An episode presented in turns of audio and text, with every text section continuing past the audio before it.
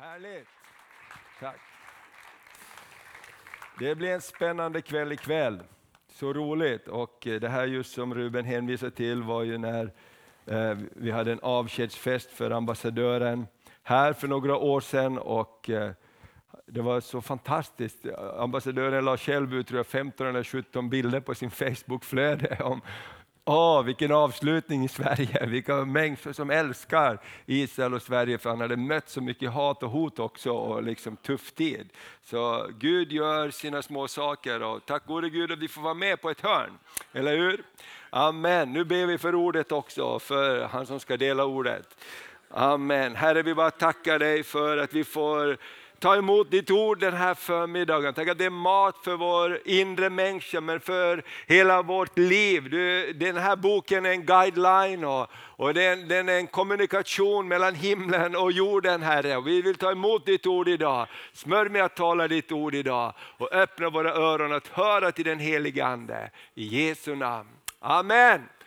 Roligt att se dig idag, hoppas att du har din bibel med dig eller någonting annat. Vi ska tala idag om våra värderingar.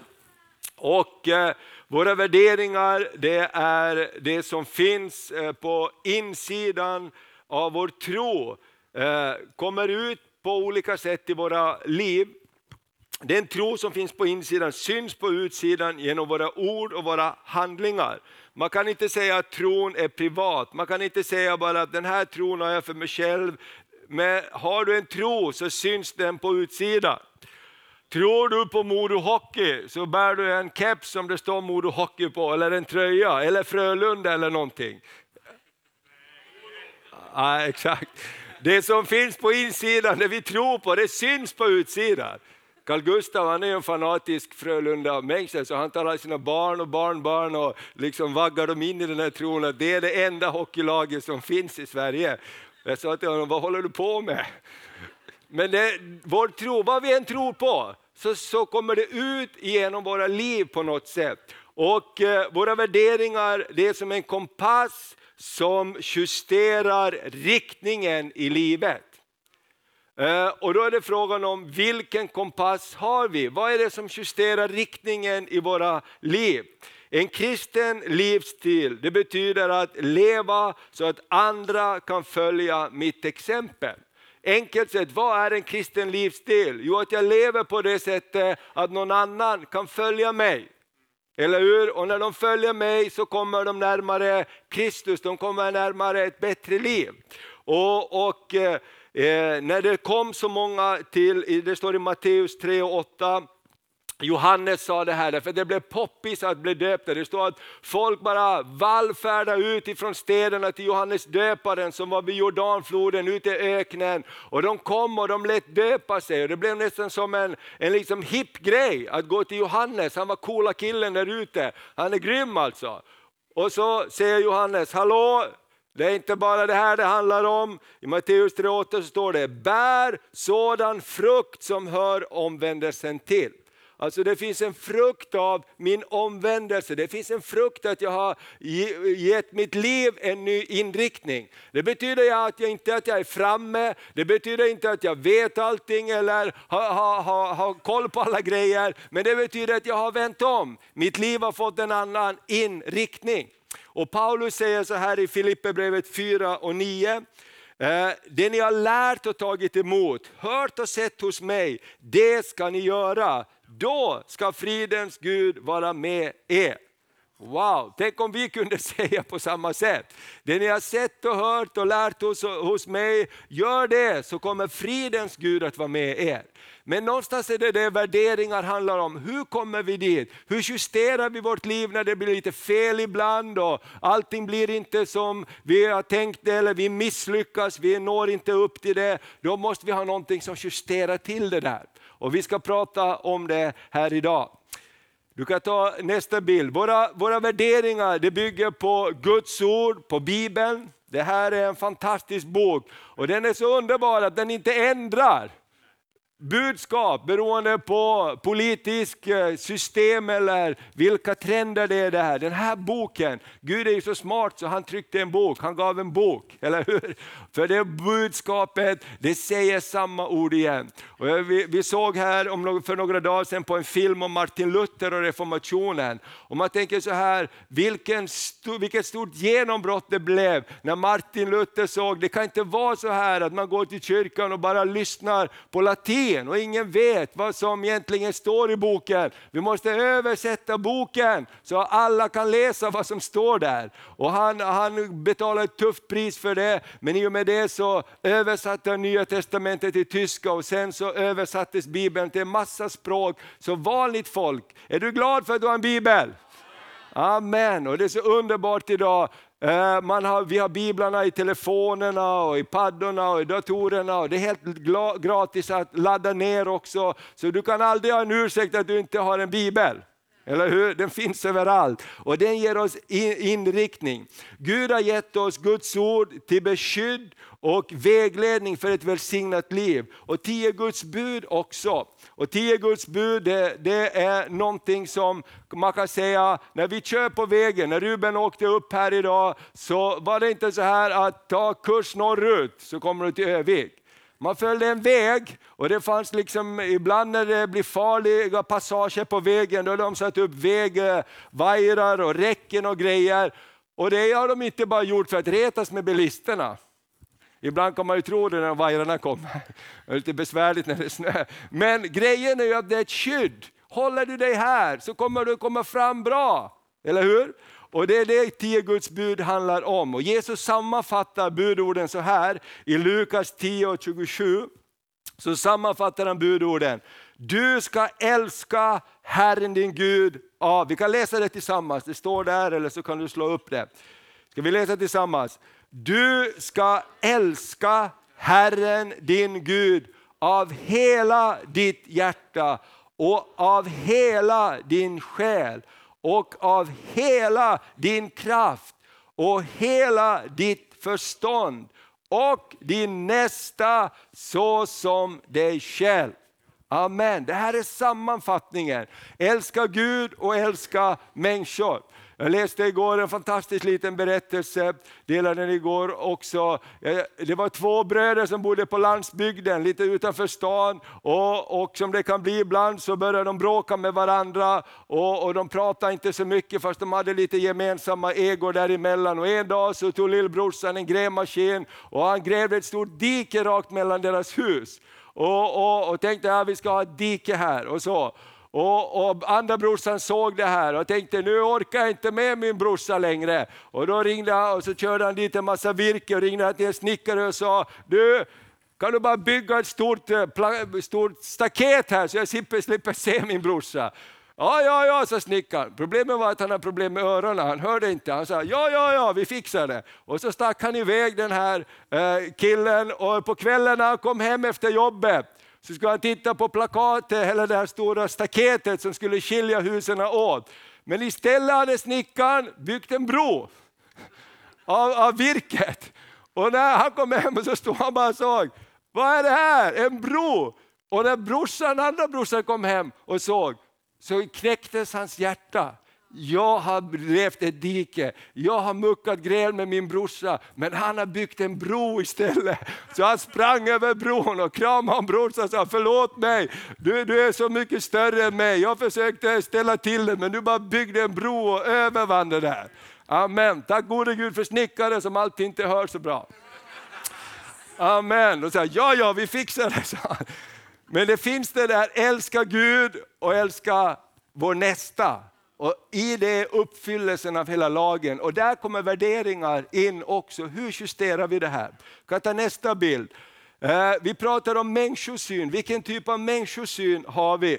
Jo, för det första, alla människor är lika värda, alla är dyrbara, älskade och skapade av himmelens Gud. Vilken färg du än har på håret, eller på kroppen eller på kinnet, så har vi alla ett rött blod som flyter genom vår kropp.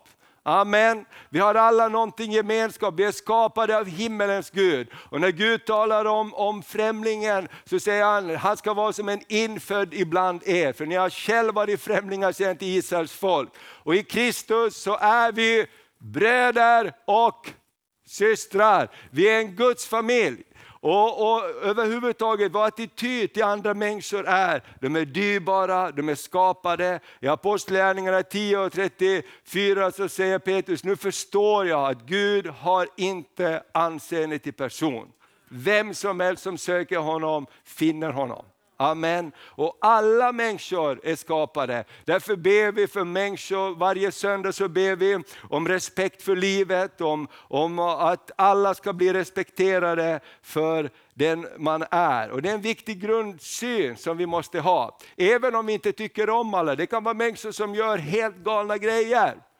Och då måste vi tänka så här, älskar Gud dem?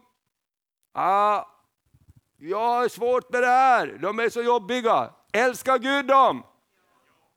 Åh, oh, Gud älskar dem. Hjälp mig att älska dem. Kanske inte älskar vad man gör, men Gud älskar varje, varje, varje, varje människa. Och han är beredd att förlåta. Kommer du ihåg Baldur som var här? Han har varit på King of Kings två gånger, kommer igen från Island när vi hade det här Guds faders hjärta de här dagarna. Och han berättade om hur han var narkoman och den största ligisten på Island. Han hade suttit i fängelse för att han har varit med och, och dödat en annan person och, och, bara mött Guds kärlek och upprättelse. Och han hade det så jobbigt, Gud hur ska jag någonsin få frid med det här? Och då så en dag ringer det på dörren och den här pojken som han hade varit med och dödat eller dödat, hans mamma kommer och säger, i drömmen så kom min son till mig och sa, jag har förlåtit Baldur, Gud har förlåtit Baldur, nu är det din tur mamma att förlåta honom. Amen. Du vet, även vad vi har gjort, så Guds rike, Guds syn är att Gud älskar varje dyrbar människa. Amen. Så låt oss bara tänka på det sättet. Livet är okränkbart, värna livet från konceptionen till livets slutskede. I Psaltaren 139, vers 13-16 kan vi läsa några, några bibelverser. Psaltaren 139.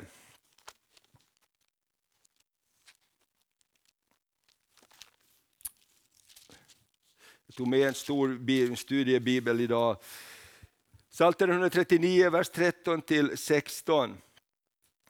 Du har skapat mina njurar, du sammanvävde mig i moderlivet. Jag tackar dig för att jag är så underbart skapad. Jag underbara i dina verk. Min själ vet det så väl.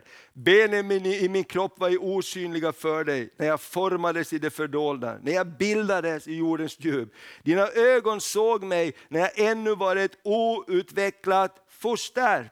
Alla mina dagar blev skrivna i din bok, de har bestämda innan någon av dem har kommit.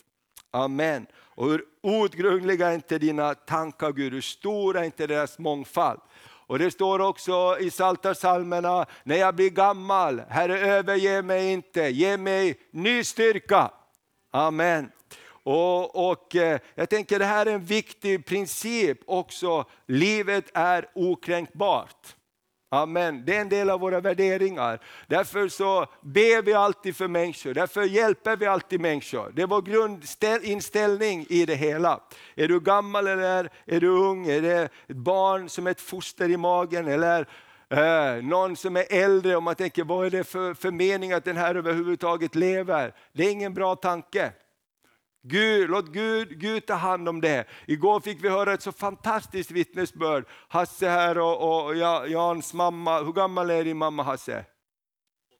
Hon är 89 år. För några månader sedan så fick de beskedet, er mamma är full av cancer, hon har bara tre dagar kvar att leva. Kom hit allihop till sjukhuset för att det går ingenting, vi kan inte göra någonting mera. Men eh, mamman hade en tro på Gud så hon sa till läkarna, det är ert ord men jag har ett annat ord också. Det finns en annan läkare, han är en överläkare. Och, och, Gud gjorde ett mirakel. Alla familjen, barn och barnbarn och barnbarns barn blir det väl vid den laget. Alla var där samlade. Hon talade uppmuntran och tro. Det finns en överläkare också. Idag så är hon hemma i sitt bo, där hon bor och hon är, är frisk. De har kollat hennes värden, hon var så full av cancer, de, de, vi kan ingenting göra. Tre dagar så är det slut. Det var levern och alltihopa. Och de kollar hennes levervärden nu och de är okej. Okay. Amen. Gud kan hjälpa. Amen. Halleluja. Prisat vare Herrens namn. När vi säger men 89 år, det är lika bra du dör nu. Men inte! Eller hur? Alltså för Gud spelar det ingen roll den här siffran. Amen. Därför att livet är okränkbart. Så låt oss tala liv och välsigna. Respekt för andra människors tro, det är en annan av punkterna när det gäller vår människosyn. Respekt för andra människors tro, åsikter och övertygelse. Även om vi inte tycker och tror som dem. Om du tänker så här, han är en muslim, rackarns muslim. Jag ska inte prata med han. Det är helt fel. Hur ska du kunna vinna någon som du inte respekterar? Hur ska du kunna prata med någon om du inte är intresserad av den människan, vad den är, hur den än ser ut?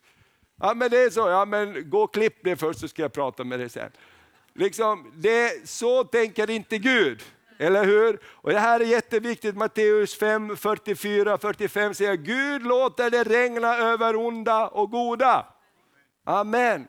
Det står i Bibeln att alla var syndare, alla gick sin egen väg, alla struntade i Gud. Men Gud lät sin son Jesus komma och han älskade oss medan vi alla gick vår egen väg.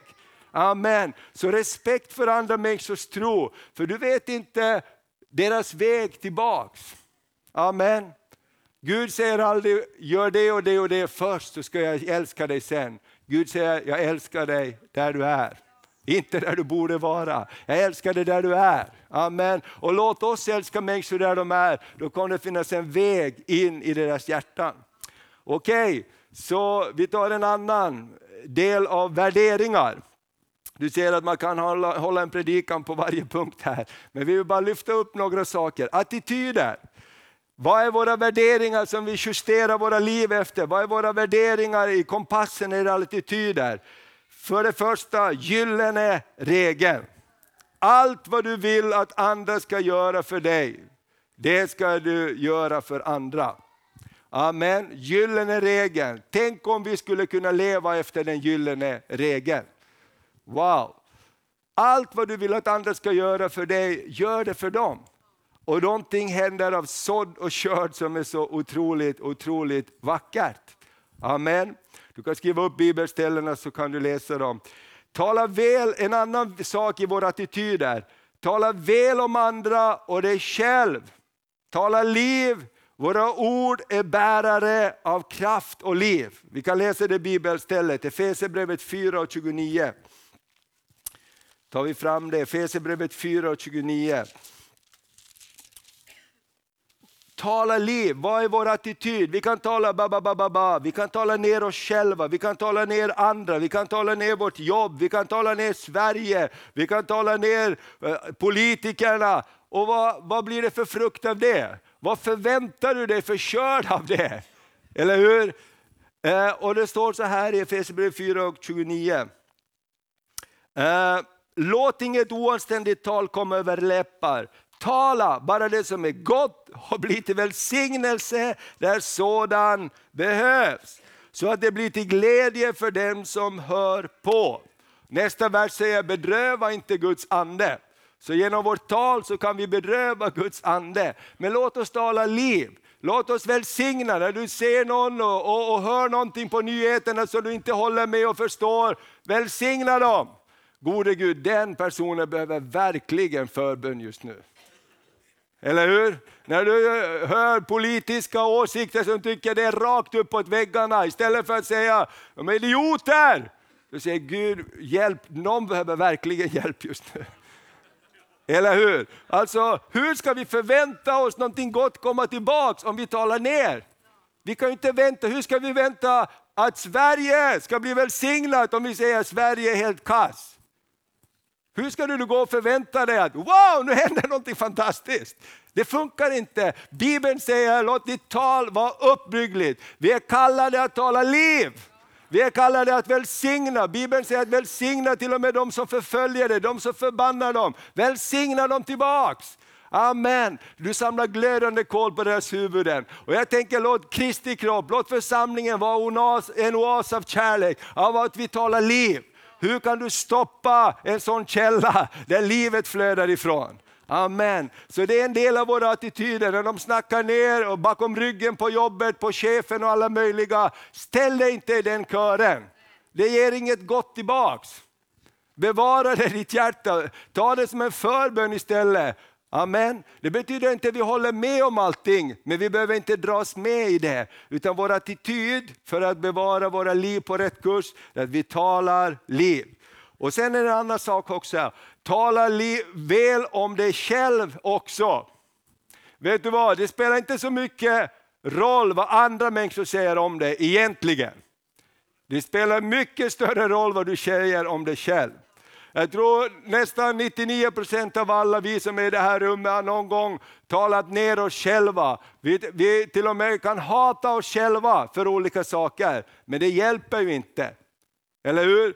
När vi tittar på den här filmen om Martin Luther och reformationen så gick ju Martin Luther först i kloster för han ville liksom få frid med Gud. Och där började han brottas med djävulen och sitt dåliga liv och alla sina dåliga attityder. Och hans lärofader, hans tron, eh, äh, biktfader där, han stod och lyssnade bakom dörren och efter ett tag så knackade han på. Du Martin, sa han.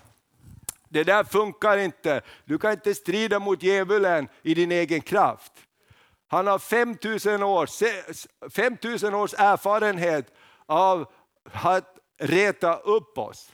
Han vet precis vad han ska trycka på oss. Vi kan inte övervinna honom i vår egen kraft.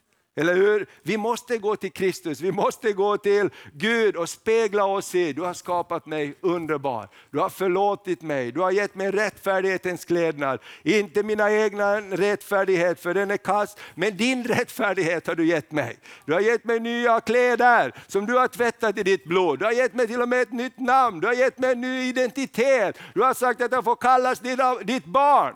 Amen. Och du har sagt att jag ska få ärva tillsammans med dig. Du har sagt att allt som finns i himlen till mig.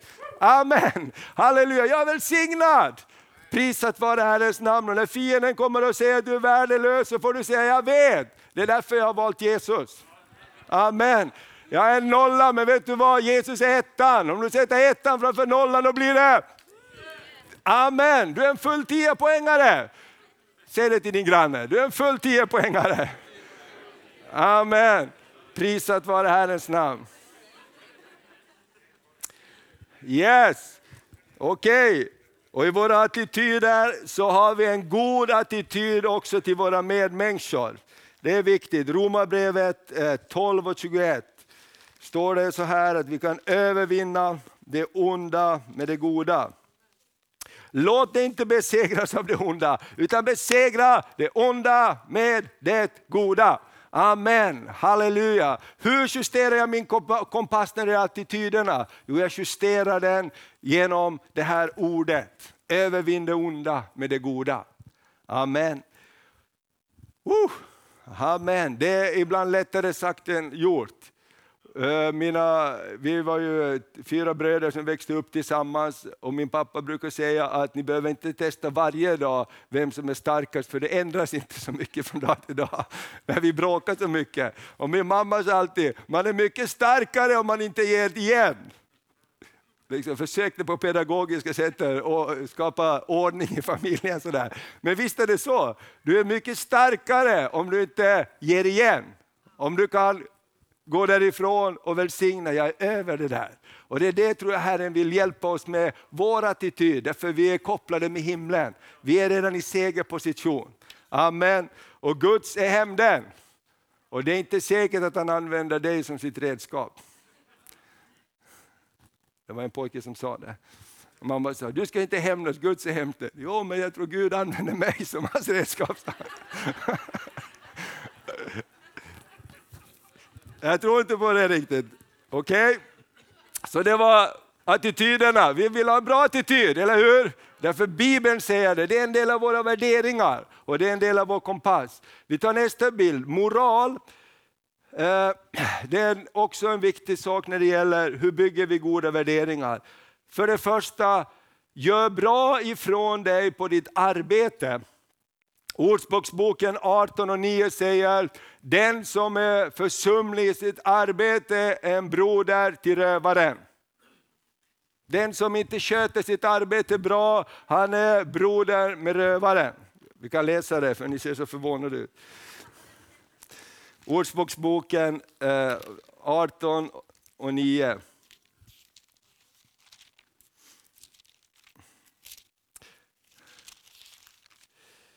Så står det så här.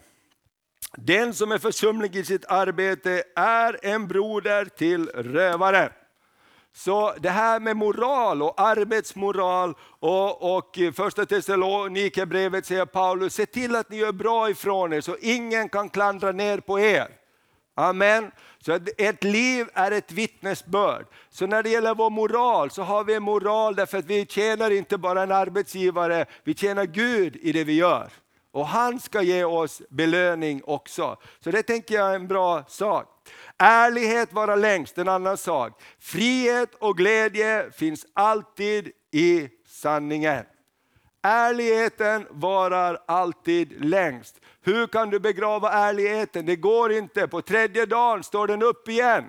Jesus var sanningen och man försökte begrava honom. Sanningen ställer sig alltid upp igen. Amen. Jag tänker det även om ärligheten kan vara svår, ibland så är det alltid det som varar längst. Jag tänker det är en bra värdering. Och vi behöver aldrig vara rädda för sanningen, för sanningen har sin rot i det som är gott. Amen. Och, och när vi är sanningsenliga kan alltid Gud hjälpa oss. Amen. När får vi förlåtelse? När vi säger hur det är.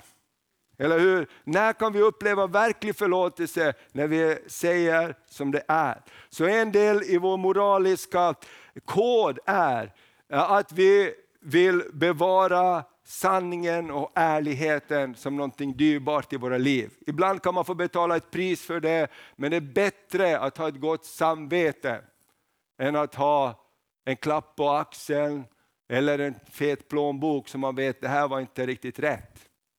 Eller hur? Okej, okay. sen också ha en nykter livsstil. Eh, när Bibeln talar om den yttersta tiden så talar det om att människor som inte gör sig beredda för att möta Jesus, de, de lever ett liv där man dricker och man inte är nykter och man är inte vaken för att möta Jesus. Och i Efesierbrevet 5 och 18 så säger Paulus, berusa er inte med vin. Det leder till vårdslöshet. Låt er istället uppfyllas av anden. Berusa er inte av vin. Även fast Jesus gjorde vatten till vin, okej? Okay? Alltså det här med alkohol och sådana saker, det är ingenting som du kan säga exakt från Bibeln att så här är det inte, för vi har många kulturer i världen där, där man eh, dricker vin men inte som man gör i Sverige för att berusa sig för njutningens skull och så. Så jag tänker bara, vilken omständighet lever vi med? Amen. Och Bibeln varnar, det som Carl Gustaf skrev i den här boken, det är alltid eh, rätt att vara nykter. Heter den så? Det är aldrig fel att vara nykter. Vad bra, ni är vakna. Jag tror att den finns kanske där. En fantastisk bok därför att, eh, om man säger så här, de flesta så, eh, i Finland så är det farligt att gå i bastu. Har ni läst om det? det var, därför att många dör i bastun. Och varför dör man i bastun i Finland? Därför att man dricker sprit och så somnar man i bastun och så vaknar man aldrig. Och då kan man säga, att det är farligt att gå i bastun, man dör. Nej, det är farligt att gå i bastun och dricka sprit. Eller hur? Det är farligt att köra bil och dricka alkohol. Det är farligt i nära relationer, i familj och med barn att dricka alkohol. För det förstör en massa relationer. Det skrämmer upp barn för deras liv. Jag blev uppskrämd av en alkoholist när jag var liten och jag fick mardrömmar som jag hade med mig långt in i livet. Jag fick springa för mitt liv för en som skulle, sa att han skulle slå ihjäl mig. Jag var bara en liten grabb och så kutade jag och han snubblade och föll och jag hann undan. Men de där liksom, den där kutningen, den har ju levt med hur länge som helst. Och säger, och säger så här, så alkohol, man säger alkohol har förstört mera människor än alla krig. Amen. Så jag tänker så här, bara för andras skull, låt oss ha en hög attityd när det gäller det här med nykter livsstil. Okej? Okay? Inte med lag, inte med tvång, utan för andras skull. Paulus säger allt är lovligt men allt är inte nyttigt. Och det här tillbaks, vad är en kristen livsstil? Jo, som Paulus sa, följ mig så som jag har följt Kristus så kommer du att komma närmare Gud. Eller hur? Så bara utifrån det hjärtat och attityden, då börjar man inte med pekfingrar utan man börjar utifrån ett kärleksrelation, att vara ett föredöme utifrån det. Okej, vi tar en till bild. Relationer, vad är vår, våra värderingar när det gäller relationer? Och då har vi sagt några saker om äktenskapet här. Eh, jag tänker så här att eh, vi behöver säga ut saker som är självklara, men vi tror på äktenskapet mellan en man och kvinna. Därför det är så Gud skapade det. Gud skapade oss till en man och en kvinna. Och han sa, därför ska en man skilja sig från sin far och sin mor och hålla sig till sin hustru och de två ska bli ett kött. Eller hur? Så vi tror på äktenskapet mellan man och kvinna. Vi tror att platsen för det sexuella samlivet är i äktenskapet säger Bibeln väldigt tydligt också. Att mannen och kvinnan ska ge varandra vad man behöver och det är platsen där de sexuella behoven möts. Därför att ibland så säger vi så här, jo, men det, är far, det, det, det finns tre saker som är farliga. Det är sex, makt och pengar. Ja, de är jättefarliga, men de är jättebra också. Eller hur? När du har dem på rätt plats. Det är bra med sexuellt gemenskap i ett, sam, i ett äktenskap. Därför att det, det är som, eh, det är som uh, smacket mellan stenarna när man murar. Vad kallas det? Kittet, bruket. Det blir inget bra stadigt hus om du bara radar en massa stenar på varandra. Men med cementet, alltså det behövs någonting av närhet, intimitet, någonting som bara finns två människor som är överlåtna varandra, ett äktenskap dem emellan, det bygger någonting alldeles speciellt vackert och då är det bra. Det är bra med makt om man använder makt rätt. Är du glad för alla regenter som har gjort bra saker? Eller hur? Och använder du makt fel så blir du ett elände. Är du tacksam att du har pengar att betala räkningarna? Jättebra. Men om man använder pengarna till fel saker så kan det bli ett fördärv. Eller hur? Så, så vart riktar vi oss? Vad är platsen där Gud har välsignat de här olika sakerna? Och så säger vi också så här, vi kan läsa det bibelstället, Hebreerbrevet 13 och 4. Vi tror att man ska vänta med att bo tillsammans tills man gifter sig. Det är också en värdering som vi, vi har. Eh, och det beskyddar en också. Hebreerbrevet 13 och 4 säger så här.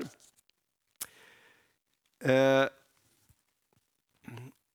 Äktenskapet ska hållas i ära bland alla och den äkta sängen bevaras obefläckad. För otuktiga och äktenskapsbrytare skall Gud döma.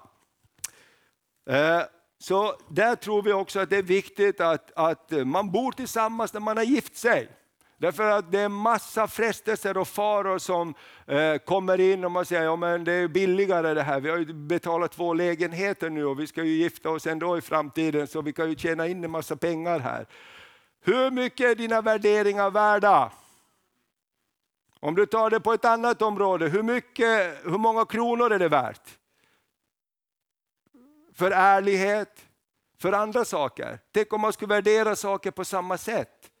Ja, men eh, ekonomiskt så är det fördelaktigt det här. Ja, men vad leder det till? Det öppnar upp för en massa, massa begär. Jag menar, det är ju svårt ändå när man är kär och man ska gifta sig. Tänk om man skulle bo tillsammans, det skulle vara helt omöjligt att leva rent, åtminstone för mig. Jag var så kär i Maria och fortfarande efter 30 år.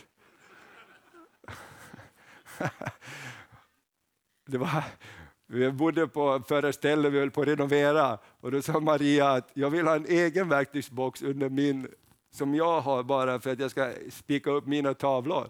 Och det var en som såg att hon hade verktygslåda under sängen. Så sa uh, hur går det till här? Måste du ha en egen hammare under sängen? Men det var inte riktigt så. Men det finns ju någonting vackert, eller hur? Och det finns en plats för allt det. När det tar till. faller koinet ner. Ja, Okej, okay. vi tror på äktenskap mellan man och kvinna. Vi tror att platsen för sexuella samliv är äktenskapet. Vi tror på att man ska vänta med att bo tillsammans tills man gifter sig. Sen har jag en bild också som är ganska viktig, eller väldigt viktig. Vad händer när någonting blir fel? Därför att det kan bli fel. Och Gud vet det. Förlåtelse, nåd och sanning är ledorden för vi, hur vi hanterar synd och felsteg i våra liv. Det viktigaste när någonting händer är inte det som har hänt, utan hur vi handlar med det som har hänt. Amen. Jag, jag brukar säga till barnen när de var små och när jag jobbade på Broskolan, om du pangar ett fönster, om du skjuter fotbollen genom ett fönster så går det att fixa fönstret. Det finns de som lever på det, att byta fönster. Men om du säger det var inte jag, så kanske du bär det där fönstret med dig för resten av ditt liv. Eller hur? Alltså många saker går, de flesta saker går att fixa, de flesta saker går att ordna upp. Men om jag inte tar ansvar för nåd och sanning i mitt liv, så är den grejen någonting som är mycket tyngre än det jag har gått igenom. Paulus hade dödat människor och han fick nåd. Eller hur? Om du sätter det i relation till någonting annat. Så jag tänker nåd och sanning, det finns där. Och vi läser några bibelord som har med det här att göra. Vad gör vi när någonting blir fel? De står på, på tavlan där. Bröder, i Galaterbrevet 6, bröder om ni kommer på någon med att begå en överträdelse, då ska ni som är andliga människor i mildhet upprätta en sådan. Men se till att inte du också blir frestad. Bröder, om ni kommer på någon eller systrar med att någon går en överträdelse, skicka ut sms Ring till alla du känner, prata bakom ryggen, be absolut inte för det. Står det så? Bröder och systrar, om ni kommer på någon med att begå en överträdelse, då ska ni som är andliga människor i, med stränga ord, i mildhet upprätta en sådan. Men se till att inte du också blir frestad. I första Johannes 2.1, nästa bibelord säger, mina barn, detta skriver jag till er för att ni inte skall synda. Men om någon syndar har vi en som för vår talan inför Fadern, Jesus Kristus som är rättfärdig. Amen. Vi ska inte synda, men om någon syndar, eller hur? Därför att allting bygger på en kärleksrelation. Gud vill inte ha din påtvingade kärlek av religion. Jag älskar dig, jag älskar dig, jag älskar dig, straffa mig inte. Hur bra relation är det? Jesus vill att vi ska ha ett kärleksflow.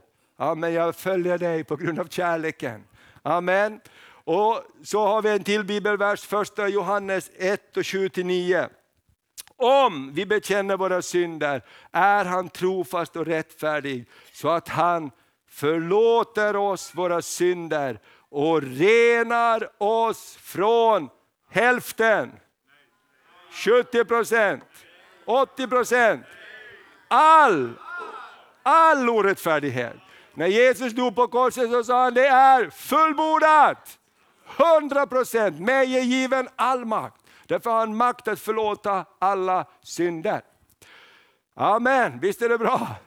Så vi har våra värderingar, vi har kompassen, men vi vet också vad som vi kan göra när någonting blir fel. Vi går tillbaka till nåd och sanning, förlåtelse. Och då finns det två saker till jag vill säga. Det är det som eh, är vår erfarenhet. Och min egen personliga erfarenhet också, snart vi har varit pastorer i 30 år. Man kan be tusen gånger om förlåtelse till Gud och ändå fortsätta att ha jobbigt med dem. Därför att Gud förlåter dig i ditt hjärta. Men Bibeln säger om ni har syndat, gå till varandra. Be om förlåtelse, bekänn din synd för någon. Därför att när du bekänner, när jag bekänner mig synd för någon, så då får mitt sinne en bekräftelse på att jag är förlåten. Du vet att vi säger i Sverige, ensam är stark. Bibeln säger, du är inte alls stark ensam, tillsammans är du stark. Och därför har, eh, eh, har vi bara märkt det, och jag har märkt det i mitt eget liv, när jag står med någonting själv, då kommer jag aldrig att vinna fullständig seger. När jag bekänner för någon annan, då renar Jesus mig från min synd. Med min broder och min syster säger, du är förlåten, jag står tillsammans med dig.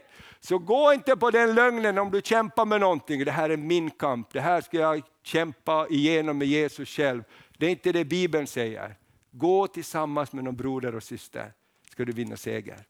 Amen. Okej, okay. allt det här som jag har talat nu, tycker ni det var bra? Tack, amen, tack Jesus. Amen.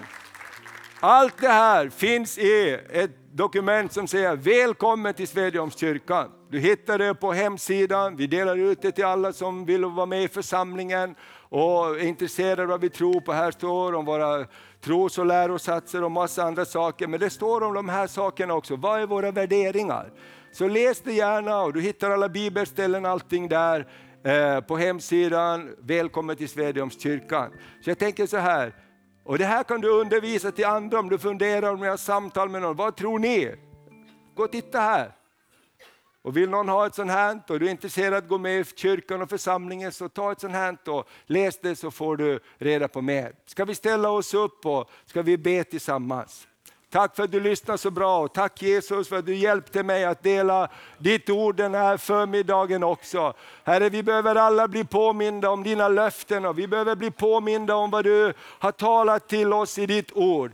Herre, låt oss aldrig tro att vi vi står över ditt ord på något sätt. Vår erfarenhet och vår kunskap av livet är mera och viktigare än det ditt ord säger.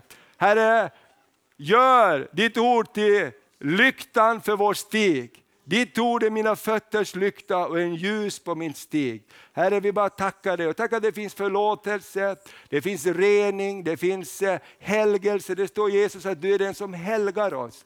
Du är den som tvättar oss rena.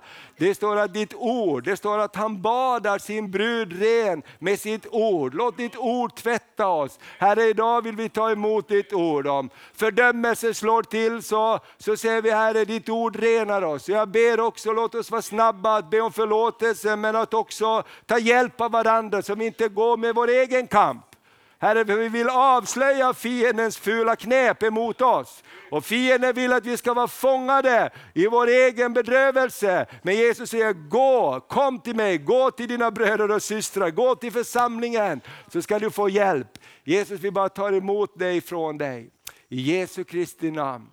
Amen. Och jag bara ber också för dig som är här, om du är här och du känner att du inte har rätt ställt med Gud på något område eller kämpar. Vi kan ha lite musik också på oss. Och går det bra? Amen. Herre, jag bara tackar dig. Vi bara, bara står i bön inför varandra. Åh, inför Herren. Amen. Herren bara ser dig, ditt liv också. Om vi ger respekt för varandra, bara kan blunda också. Så vill jag bara fråga om du är här idag och du känner att jag, jag behöver komma tillbaks på Gud, till Gud på något område i mitt liv så bara lyft upp din hand där du står inför Herren. Amen. Jag, vill bara, jag behöver bara komma tillbaks till Herren. På något område i mitt liv, när vi har pratat om värderingar, så känner jag att jag behöver justera min kompass. Bara lyft din hand inför Herren när du står. Gud välsigne dig, Gud välsigne dig. Amen. Gud välsigne dig, människor över hela lokalen.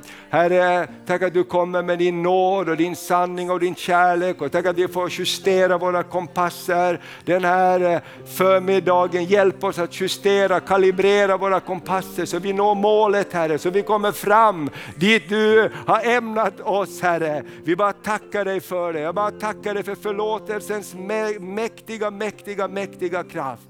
Och jag ber Fader, hjälp oss att vara ett annorlunda folk mitt i den här världen. Hjälp oss att vara ett folk Herre som har andra värderingar. Och även om vi får betala ett pris för det ibland så kommer det ändå i längden alltid att vinna. Herre vi bara prisar dig för det. Jag ber för alla som på sina arbetsplatser har det tufft när de står upp för rätt och sant Herre. Jag ber för alla som i sina skolor har det tufft Herre. Fader jag bara tackar dig för du styrker alla i familjelivet Herre. Och jag bara tackar dig för välsignelse Fader. Du är inte ute för att trycka ner oss, du är ute för att lyfta upp oss, ge oss nytt mod och ny kraft Fader. Att möta en ny morgondag. Herre vi bara tackar dig. Amen. Om det är okej okay så kan vi bara ta en stund och be för varandra. Om du kan lägga dina händer, om det är okej okay för dem som är runt omkring dig. Så bara välsignar vi varandra. Amen Herre. Vi går inte ensamma, du går inte ensam, du går inte ensam, du går inte ensam. Du har någon som är med dig. Du har någon som är med dig, du har någon som är med dig. Åh, vi välsignar varandra, vi välsignar varandra i Jesu Kristi namn. Åh, vi bara talar ut i andevärlden, du står inte ensam, ingen står ensam. För vi är bröder och systrar som står tillsammans. I Jesu Kristi namn vi ber. I Jesu Kristi namn vi ber. Åh, vi bara välsignar varandra. Åh, vi välsignar varandra. Du hjälper oss Herre att välsigna varandra. Även om det är saker vi måste övervinna så, så hjälper du oss att välsigna genom den helige Andes hjälp. Åh, vi bara tackar dig, vi tackar dig, vi tackar dig. Mm, Jesu namn Herre. Amen. Underbart, underbart. Halleluja. Amen. Och har du kommit hit idag och vill ha speciell förbön så har vi bönerummet öppet här efteråt. Och, och gå inte härifrån med mindre att vi får be och samtala med dig. Du har ett ansvar för vad Herren talar till ditt liv. Vi har ett ansvar för att gensvara till det och vi vill bereda plats och rum för det. Så skynda inte härifrån utan ta tid och kom. Vill du, vill du samtala, vill du ha förbön, whatever. Stå inte själv med det du har jobbigt med. Amen. Varsågod och sitt en liten stund till så ska vi strax avsluta. Amen. Nästa söndag ska vi tala om drömmar. Johannes ska tala om det. Gud vill uppliva drömmen i ditt liv. Amen. Sen söndag därefter ska Hasse tala om atmosfär. Och vi kommer också att intervjua lite människor här för att också få del av, av erfarenheter av varandra.